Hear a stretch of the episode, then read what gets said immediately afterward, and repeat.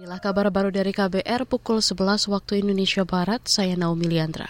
Peduli Lindungi akan berubah menjadi aplikasi Satu Sehat Mobile. Juri bicara Badan Siber dan Sandi Negara BSSN, Aryan Diputra menjamin keamanan data dalam proses perubahan tersebut.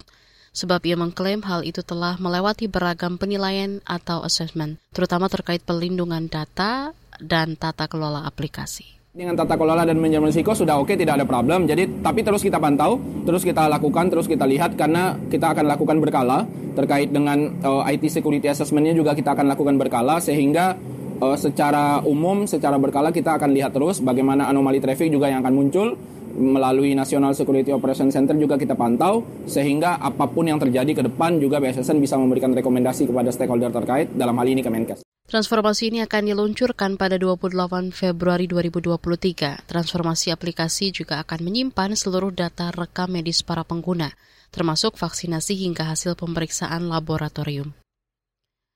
Pengamat sepak bola dari Save Our Soccer SOS Akmal Marhali mengingatkan Ketua Umum PSSI Erick Thohir dan wakilnya Zaiduddin Amali agar tidak menjadikan posisi keduanya di PSSI sebagai loncatan politik.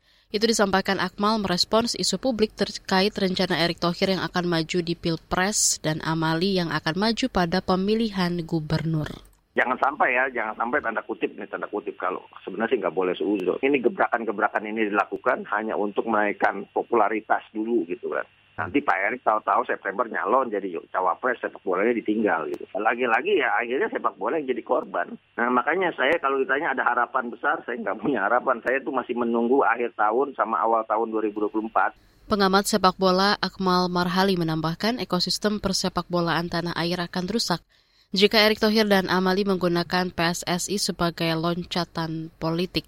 Akmal mendorong Erick Thohir melakukan perubahan besar dan melakukan langkah nyata mereformasi PSSI yang selama ini dianggap buruk. Sebelumnya Erick terpilih sebagai ketua baru PSSI, sedangkan Menpora Zainuddin Amali sebagai ketua umum.